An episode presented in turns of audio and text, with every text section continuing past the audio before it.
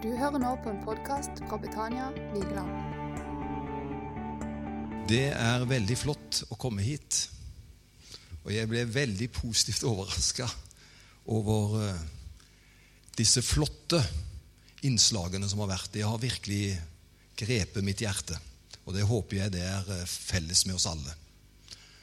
Og spesielt sterkt for meg var det å høre ditt vitnesbyrd, introduksjon, hvor en forteller om det som skjer innenfor åpenheten for den muslimske verden. Og de skal vinnes for Jesus. Så det var veldig, veldig sterkt å høre det vitnesbyrdet. Gud velsigne dere som kommer fra Ungdom i oppdrag, og Gud velsigne oss alle i Jesu navn. Nå skal jeg bruke Du vet, Jeg er av den typen som jeg kan tale slik som et trekkspill. Jeg kan dra trekkspillet ut, og jeg kan dra det inn. Pleier det å være slutt i halv ett-tida? For det er ingen problem for meg, det. Noe sånt. bob-bob, halv ett. Ok, da kan jeg iallfall holde på i 25 minutter. Er det greit? Ja, jeg klarer, Noen sier til klokka tre, men, men potetene kan bli svidde da. Men jeg skal klare midt på 25 minutter, jeg. For jeg, jeg, vet hva jeg skal si. Og når man er forberedt og vet hva man skal si, så kan man få sagt det. Men det er veldig flott å være her, men jeg har et kjempeviktig tema. Og Det som jeg vil si litt om i dag, det er rett og slett bønnebarna. Det kjæreste som vi har, det er våre barn. Det er ingen som ligger vårt hjerte så nær som barna våre. Eller barnebarna, familien våre, noen som vi er blitt så glad i. De ligger vårt hjerte så nært. I januar, begynnelsen på januar så skrev jeg denne boka som heter 'Bønnesvaret når bønnebarna vender hjem'.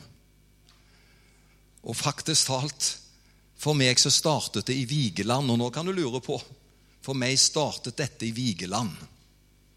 Jeg skal snart komme tilbake til det. Den boka den har jeg med meg ute i foajeen. Så kan du få kjøpe den hvis du ønsker det etter møtet. Spar den gjerne til en julegave til noen også. Det er ni forskjellige bønnebarn som blir intervjua. Hvorfor de i sin tur valgte Jesus bort. Og hva var, det, hva var det som gjorde at de kom tilbake igjen? Det er jo bønnebarn som er kommet tilbake igjen. Og Det er en utrolig spennende historie, for alle disse har en unik bakgrunn. Og så intervjuer jeg også noen som har bedt for bønnebarna. Altså forbederne. Og jeg tror mange her er i den situasjonen vi ber for bønnebarn. Og det kan til tider være en kampfull prosess. Hadde vi fått bønnesvar i morgen, vet du, så hadde det ikke vært så kampfullt, men mange må vente lenge på bønnesvaret. Men budskapet i denne boken er den som venter på bønnebarna, får bønnesvar. For Gud vil at disse skal bli frelst. Og De er så glad for disse som jeg har intervjua, for de holdt ut. Fordi de visste at Gud skulle gripe inn. Men så var det veldig flott at de fikk se det. Noen har ikke fått sett det, for de har vandra hjem til Jesus. Men det viktigste er at vi møter dem igjen i himmelen. Men bønnebarna skal bli frelst. Så etter de to sidene der så har jeg også en del bibelvers som går på bønnebarna, og litt undervisning om familievekkelse og bønn og slike ting. Så boka er til salgs her ute. Og jeg er litt ekstra frimodig fordi jeg tar ikke fem øre for boka sjøl. Jeg har skrevet den gratis. Jeg selger den uten å ta forfatterhonorar. Alt overskuddet, 100 kroner per bok, går til misjonen. Og Derfor sier jeg litt ekstra at kjøper du en bok den koster 249 kroner. Gjør meg med bankterminal. Har du ikke kort eller, eller, kontanter, så kan du bare få en lapp, og så kan du betale det på den opplysningen som står på det arket i løpet av et par uker. eller noe sånt. Så ingen trenger en hindring. Men 100 kroner av hver bok da går til innfødt misjonærer. Så derfor er jeg litt frimodig. Det gjelder også misjonen i tillegg. Men jeg tror du skal få tro på bønnebarna, og den boka er til stor inspirasjon. Og Jeg har snakket med forlagssjef Svein Andersen i Hermo Forlag. Han sier dette boka er best, bestselgeren i år. Så vi har ca. salgt 2000 på et halvt år, og det er veldig mye i Norge. Så det er bok som griper hjertene. Ta gjerne kontakt, og hvis du vil ha autografen min, så koster det ikke tillegg. 249 kroner. Da har jeg sagt nok om boka sånn teknisk. Den er altså Etter møtet så står jeg bak der, og så kan du få lov til å, til å kjøpe den. Nå skal jeg fortelle hva som har med Vigeland å gjøre. Grunnen til at jeg også har skrevet den boka, det er at eh, vi har fire barn. To adoptivsønner og to foster. Døtre som vi fikk. De siste kom i år 2000. Døtrene, fosterjentene våre. Og Før det så fikk vi adoptert to små gutter. Torbjørn var fem og en halv måned når vi fikk han. Kristoffer var to måneder. Vi fikk fem dagers svangerskap på Kristoffer. Nei, på Torbjørn var spørsmål kan dere ta imot en liten gutt. Han er norsk. Eh, han er fem og en halv måned. Han har et personnummer, men ikke navn. For han skal bli plassert et sted. Og Vi eh, hadde jo før det vist vår interesse, så vi trengte ikke lang tid. Vi sa ja til Torbjørn, og han kom til oss og ble vår sønn. Og Det var en fantastisk stor dag når vi kunne si at nå er vi blitt foreldre. Det skjedde da Torbjørn kom inn. Da ble vi første gang foreldre. Eh, Torbjørn han eh, ble født med en eh, diagnose. Mora som fødte han, drakk alkohol under svangerskapet. Så han fikk en bitte liten det vi kaller for en hjerneskade, FAE. Og Den diagnosen er slik at eh, hvis man ikke får en veldig klar og tett oppfølging, så er det slike som havner ute på gata. Det er slike som er i fengslene etter hvert. For de klarer ikke på en måte å, å, å, å tolke situasjonen eh, og tenke i nuet. De tenker ikke i konsekvenser, de tenker bare i nuet. Og Derfor ble, er han en utsatt person. Og vet du hva som er det illeste av alt? Han har ikke bedt om det. Uskyldig har han fått påført seg dette pga. alkohol i svangerskapet, som er så alvorlig. Så eh, vi visste det, at det var et eller annet, men vi sa at vi skal ta han uansett. Selvfølgelig skal vi det. Men vi skjønte at eh, det kunne være ting som var vanskelig, så eh, vi bestemte oss da jeg var pastor i Oslo. Så spør Arild Edvardsen kan du tenke deg å bli rektor på bibelskolen i Sarensdal, i Kvinesdal. Og vi sa ja med en gang. For vi tenkte vi må bo på et lite sted hvor vi kan på en må få en tetthet og oppfølging, og ikke i Oslo med vår gutt. Og Vi kom til Kvinesdal. Han har gått på alle møter som han kunne som barn, så lenge han var barn. For da kunne vi bestemme over ham. Men når han kom i tentroalderen, konfirmasjonsalderen, og var ferdig med det kurset, så kunne ikke vi lenger bestemme over ham. Han måtte ta sine egne valg. Og det gjorde han, og dessverre han gjorde det til gangs. Han dro liksom livet helt ut.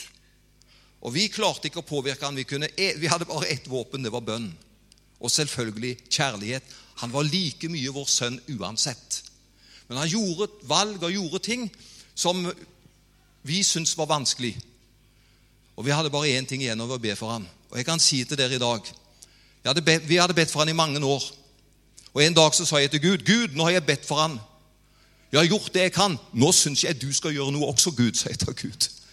Og Noen ganger så kan man bli så fortvilet at man sier at nå, Gud, nå må du òg gjøre noe. For nå har jeg virkelig stått på i bønn og holdt på. ikke sant? Du kjenner igjen den. ikke sant? Vi blir utålmodige, og, og, og vi ønsker så inderlig at Gud skal gjøre noe. Og Jeg kan si det at jeg går ikke ofte fram til forbønn for egne behov. for Jeg er planta veldig støtt i Kristus Jesus. Jeg føler mitt kristenliv det er herlig, det. ikke sant? For jeg bygger på hva Jesus har gjort. Og han er mitt liv, og ikke mine følelser er mitt liv. Så jeg har et stabilt kristenliv, og derfor ber jeg sjelden om forbønn for min egen del. Men jeg har bedt veldig mange ganger om forbønn for Torbjørn. Han lå virkelig på mitt hjerte. Og når det så ut som mørkest, helt mørkt Så siste søndagen i juli for to år siden så talte jeg på fellesmøtene på laksefestivalen i Flekkefjord. Det var masse folk, en herlig møte, friluftsmøte, og vi hadde det så bra. Og Møtet var over, og vi satte oss i bilen, kona og jeg, på vei fra Flekkefjord til Lyngdal. Rett når vi skal sette oss inn i bilen, så får vi en bekymringsmelding. Og Bekymringsmeldingen gikk ut på at Torbjørn da hadde vært sammen med sine venner på en festival hvor det hadde vært så mye alkohol. Og det har vært så mye det som ikke sant, vi tar avstand fra. Men han hadde vært på den festivalen der. Og på natta fra lørdag til søndag så brøyt han opp fra sitt miljø, for det ble en krangel. Så tok han med seg sakene, så går han ut mot festivalutgangen. Og når han er på vei ut der, så skjer det noe. Men disse som han gikk ifra, visste ingenting, så de ringer til oss da når vi skulle hjem fra gudstjenesten møte. Så sier de vi har ikke sett Torbjørn på Da var det over et halvt døgn, og han var i en forferdelig dårlig forfatning, så vi vet ikke hva som har skjedd. Og når vi fikk høre det, at han var i en dårlig forfatning, og vi visste at han hadde ikke så mye sperrer, så tenker vi her kan alt skje. Og jeg må bare si I huet mitt så tenkte jeg har han drukna? Lever han? Om han lever, hvordan lever han? Masse bekymringer som gikk gjennom hodet de timene. Men klokka halv sju så får vi en telefon. Så er det heldigvis Torbjørn som ringer. Og så sier han, 'Pappa', sa han, 'jeg er på bussen fra Kristiansand til Vigeland.' Nå kommer Vigeland inn. 'Og siden det er søndag, så går ikke bussen lenger eller til Vigeland.' 'Kan du komme og hente meg i Vigeland?' Jeg har jo aldri vært så glad noen gang for å hente han. 'Ja, det skal jeg gjøre med stor glede', sa jeg til han. Og mamma og pappa satte seg i bilen. Og det vi så foran oss, det var at vi skulle hente en sønn som var totalt nede i søpla. Som var totalt ribba, som var totalt ikke sant, i elendighet. Var en slik sønn vi var forberedt på å plukke opp i Vigeland her. Klokken syv tror jeg bussen skulle være her da den søndagen. Så kommer Torbjørn inn i bilen vår. Og Han hadde ikke vært i bilen mer enn et minutt. Og så sier han, 'Pappa', sa han, 'jeg er blitt frelst.' Og jeg fikk sjokk. For det var det siste på denne jord jeg hadde tenkt på. Det var at han skulle være frelst ut ifra bekymringsmeldingen. Og jeg lurer på, hører jeg indre stemmer? Er det hallusinasjon? Er det et eller annet? Og jeg må bare spørre han en gang til. Kan du gjenta hva du sa, Torbjørn? Ja, sa han. Pappa, jeg har blitt frelst, sa han. Og da sier jeg, mest med troens øyne Da sier jeg, nå ble pappa glad. Det er det beste som kunne skje. Og så hadde jeg en tvil inni meg. Hvor lenge holder dette? Nå er jeg bånn ærlig med dere, ikke sant? Men han fikk ikke del i min tvil. Den hadde jeg bare for jeg visste at det var vanskelig for han å etablere ting.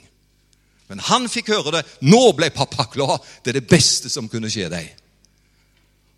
Og For å ta en lang historie så gikk det to måneder. Så sier Torbjørn til meg og det skjedde en radikal forandring i livet hans som bare Jesus kunne gjøre. Du skjønner, Jesus er over diagnoser også.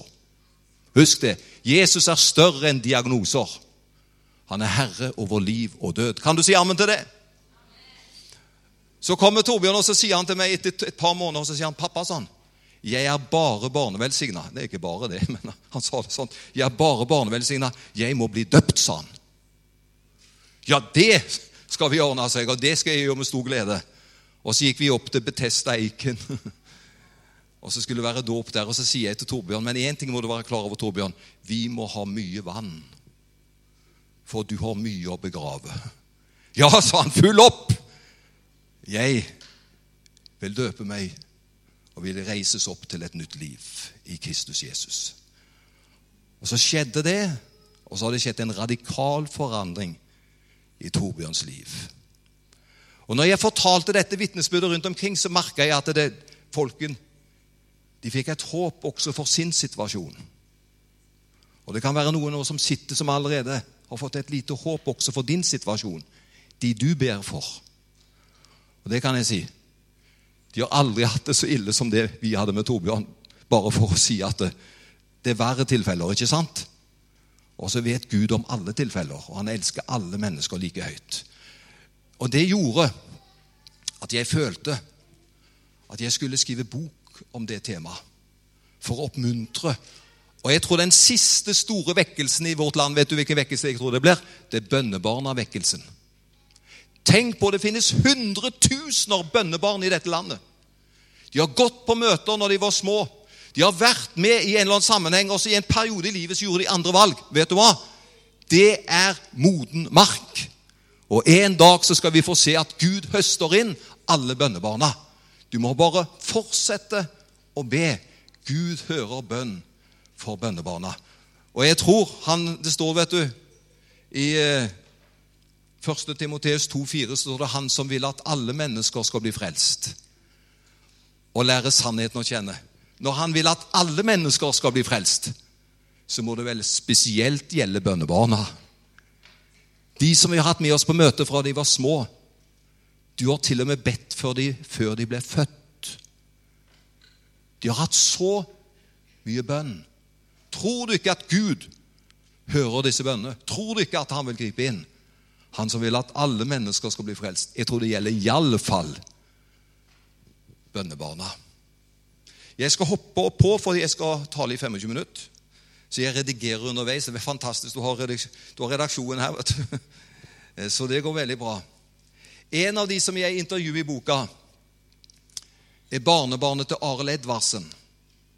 Jan Arild Edvardsen Moi heter gutten. Han fikk oppleve at livet var ikke så lett for han. Når han ble voksen, så dessverre så skjedde det at foreldrene skilte lag. Mamma fikk en ny mann. Og det var jo ille, ikke sant? Det er ille med skilsmisse. Det er aldri godt med skilsmisse fordi det er vondt.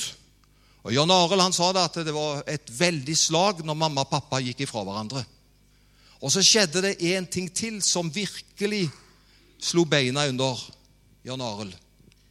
Det var at mamma og den nye mannen de var ute og kjørte motorsykkel. Dere husker det sikkert for en jeg kan tenke meg det er kanskje en ti år siden. Ti-tolv år siden. Så kjørte de i nærheten av Grimstad.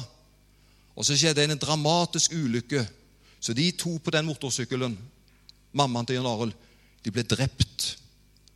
Og Da sier Jan Arild, når jeg også mista mamma hva skal jeg si, fysisk, hun døde Da gikk hele bunnen ut av livet mitt. Og Da sier Arild noe som jeg aldri har vært borti. Men jeg forstår at dette må være ille. For da sier Arild da fikk jeg dødsangst. Dødsangst. Og jeg har jo aldri visst hva det er for noe. Men det er ille saker. Hos han, han så en ung, kjekk kar. Han spilte trommis i lever, luksuslever på stein. Gikk helt annen retning enn det eh, bestefar gjorde. John levde et masse øl, masse band, masse dansetilstelninger. De spilte jo. Men så fikk han en dødsangst. Og Da ble situasjonen slik for Jan Arild at han kunne ikke være alene uten at det var en voksen person sammen med han. Og som han sier, det var jo flaut. Jeg hadde tre små barn, for det var gifte. Og når kona var på jobb, så kunne han ikke være alene. Det måtte være en voksen til stede for å passe på han, for han hadde slik angst. Det er ikke for ingenting det heter dødsangst. Det var grusomt, sa han. Og En dag så ville han gjøre det slutt. Han tenkte sånn kan ikke jeg leve. Og Han tenkte alvorlig på som sagt, å gjøre det slutt. Men så ringer han heldigvis til psykologen sin, som også var legen hans. Og så sier han til psykologen da at nå har jeg det så ille at jeg har tenkt å gjøre det slutt. Og Da sier psykologen du må ikke finne på det, jeg kommer med en gang. Han Han satte seg i bilen og kjørte hjem til Jan Arild. Og så fikk han ikke sant, prate med han, medisinere han enda mer. ikke sant, Så han fikk all den hjelpen som mennesker kunne gi han. Men han hadde det fryktelig, men kom over det sjokket der som han hadde nå. Og Så kommer det for tre år siden, så er det stevne i Sarensdal. Og så sier kona til Jan Arild, for hun var en kristen, så sier hun til Jan Arild Du er jo så glad i onkel Rune. Og det var Rune Edvardsen som skulle tale den kvelden. Kan du ikke gå og høre onkel Rune, da? Du er jo så begeistra for han. Ja, så, Han hadde jo ikke lyst. Men så sier Jan Arild noe, for Jan Arild er en smart kar. Vet du hva han sier? Hva gjør vi ikke for husfredens skyld, sa han. Og det, det, er bra, det. Det er godt, godt råd, det. Hva gjør vi ikke for husfredens skyld? Så sa han ja, jeg skal gå, sa han. Men så håper han at det blir slik som det har vært mange kvelder han har vært der nede før. Da har disse med ølkastene blitt samla på utsida. De har ikke vært interessert, men de har vært interessert i masse mennesker der. Så har de hatt med seg ølkassene og drukket og festa på utsiden av hallen. Og han regna med det var der han skulle være denne gangen også. Men så skjer det radikale, underlige, som han ikke hadde sett før. Den kvelden er det ingen på utsiden av hallen. Han har ingen å gå til i det miljøet som han kjente. Så han må gå inn i hallen og sitte på møte. Og da Jan Arild setter seg på disse harde trebenkene som der i Sarensdal Nå skal vi skifte de ut til sommeren. Når han setter seg ned på de harde benkene, så merker han Gud kaller han. Og så sier Gud til Jan Arild I kveld er det din kveld. I kveld skal du ta imot Jesus som din frelser. Og han opplever en voldsom kamp. Men da Rune tar innbydelsen, så blir bare han, Jan Arild bare dratt fram mot podiet. Men han er jo livredd. Tenk om jeg ikke treffer noen som jeg kjenner. Men han blir bare dratt fram. Og så sier Rune til meg, 'Sten, kan du overta mikken og, og fullføre innbydelsen?' Jeg hopper ned og går til Jan Arild, og så ble det en omfavnelse. Og så sier Jan Arild Jeg sier til onkel, 'Onkel, jeg må ta imot Jesus og bli, bli frelst. Jeg har det så forferdelig.' Og vet du hva som skjer? Når han sier ja, at han vil ta imot Jesus, så får han en slik fred som følger han. Og vet du hva som skjer? Fra det øyeblikk så forsvant dødsangsten. Og du vet hvor tøft det var. I flere år så hadde han det med, med sterk medisinering. I det øyeblikket så forsvant hele angsten. Fordi Guds fred kom og fulgte han. Og Jeg ser jo på Facebook han har mange venner når noen fleiper med kristendommen og sier det bare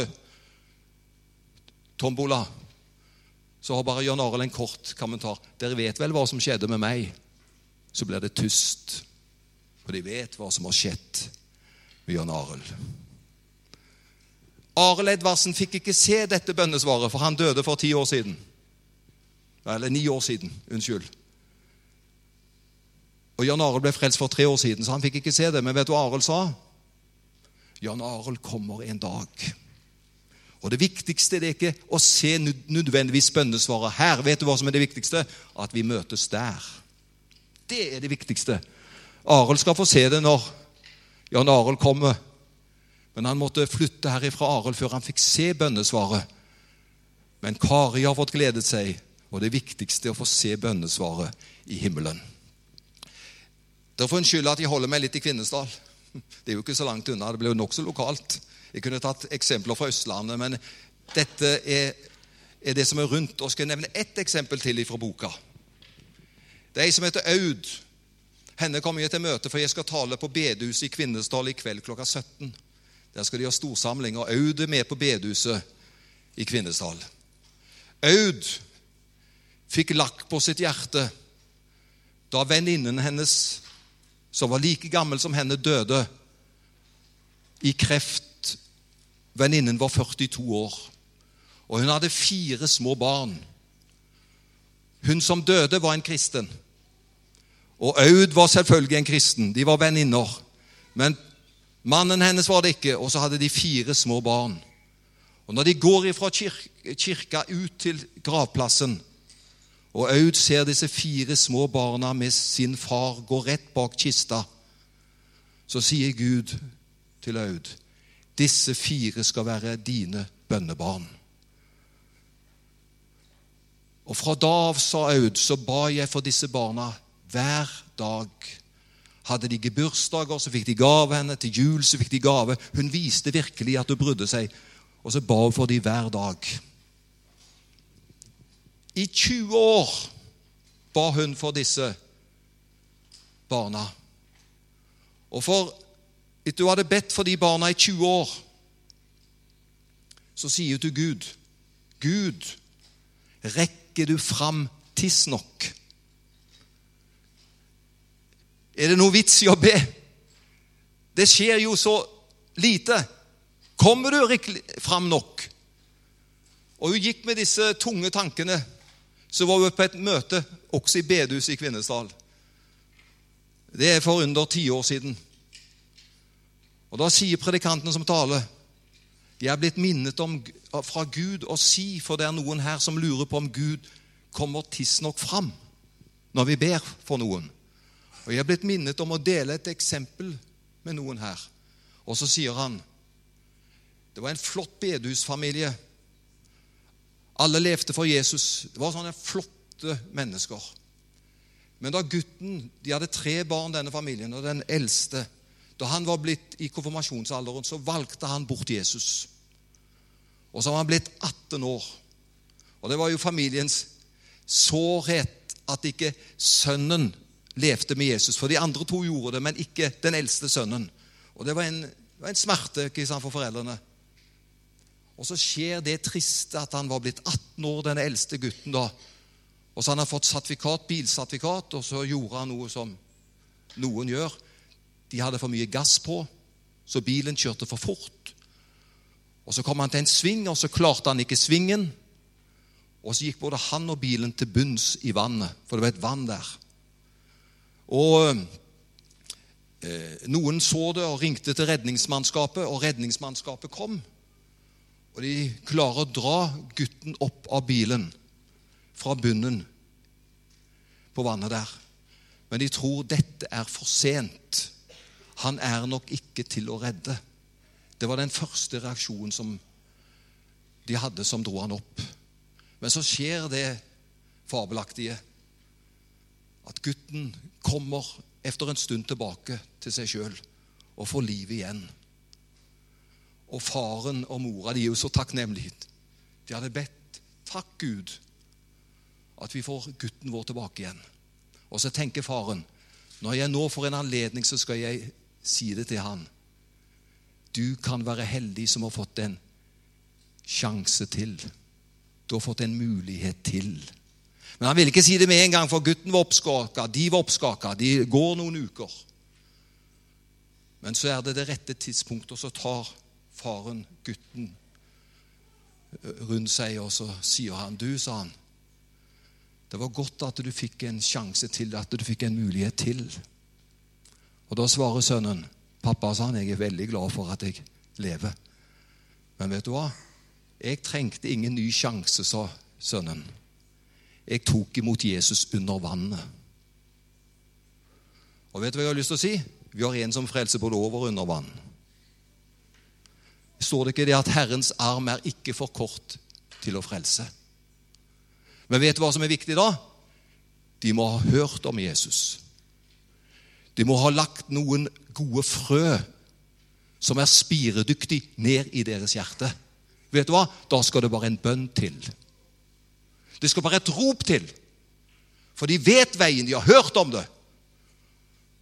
Og i det øyeblikket han fikk summe seg på bunnen, så ropte han, 'Kjære Jesus, frels'. Vet du hva? Mennesker er bare en liten bønn unna frelse. Mennesker er bare en liten bønn unna evigheten med Jesus. Men de må få høre om det. Og vet du hva? Tenk på hva bønnebarna våre har hørt. Derfor har vi lagt noe ned. Og nå skal du få en påstand om meg. Jeg stiller spørsmål tror du alle bønnebarna ble frelst. Er det noen som har spurt meg? Og da kan jeg selvfølgelig ikke si ja til det. Jeg skulle ha likt til å gjort det, men jeg kan ikke det. For hvis ikke man tar imot Jesus, så Hvis man ikke tar imot Jesus, så blir man ikke frelst. ikke sant? Så enkelt er det. Men vet du hva jeg vil si? Jeg tror ikke at alle bønnebarna blir frelst, men vet du hva jeg tror? Det er vanskelig for bønnebarna å gå fortapt. Det tror jeg. Det er vanskelig for bønnebarn å gå fortapt. Hvorfor er det? Tenk på hva de har fått. Tenk på alle bønnene som er bedt for dem. Skulle ikke de virke? Skulle ikke Gud høre på bønn? Han som vil at alle mennesker skal bli frelst. Det er ikke sikkert du får se det i din tid. Og så skal jeg avslutte. Du får unnskylde at jeg holder meg nesten i Kvinesdal nå. Nå skal jeg gå til Feda. Så det er jo ikke langt unna Kvinesdal. I Feda er det vokste det opp en person som jeg vil si, Etter Arild Edvardsen så er det kanskje den personen som har betydd mest åndelig sett i hele den regionen. For mange mange år siden så ble det født en liten gutt som heter Gordon Johnsen. Han ble født på Feda. Det var han som bygde opp Modum Bad. Han var lege, han var psykiater, han var en predikant. Han var en fantastisk person. Gordon Johnsen fra Feda, men flytta fort derifra og var en fantastisk person. Tenk på hva Gordon Johnsen har betydd for å hjelpe mennesker. Han talte en gang om bønn. Og så sier han, 'Bønn kan du sammenligne med', sa han. Det finnes kortestanseraketter. Og så sa han så finnes det langdistanseraketter. Vet du hva som er forskjellen på de rakettene? sånn? De er like presise. De, de, de, treffer like sikkert sitt mål. Men det er en vesensforskjell. Korttidsdistanseraketten den når målet med en gang. Det ligger jo i navnet, ikke sant? Langdistanseraketten trenger lengre tid for å nå målet. Men det er like sikkert. Og så sier Gordon Johnsen det kan være at vi har fyrt av noen langdistanserakettbønner. Og I mellomtiden så har du dødd og gått hjem til Jesus. Men en dag så treffer raketten like presis som om det er en kortdistanserakett. Og så løser det ut det du har bedt om, og så får vi et herlig bønnesvar. Kan du si ammen til det? Jeg håper du går optimistisk herifra i dag. Min ønske, min bønn for de møter jeg har nå, det er at du må ikke gi opp å be. Og slett ikke for dine bønnebarn, fordi Gud hører bønn. Amen.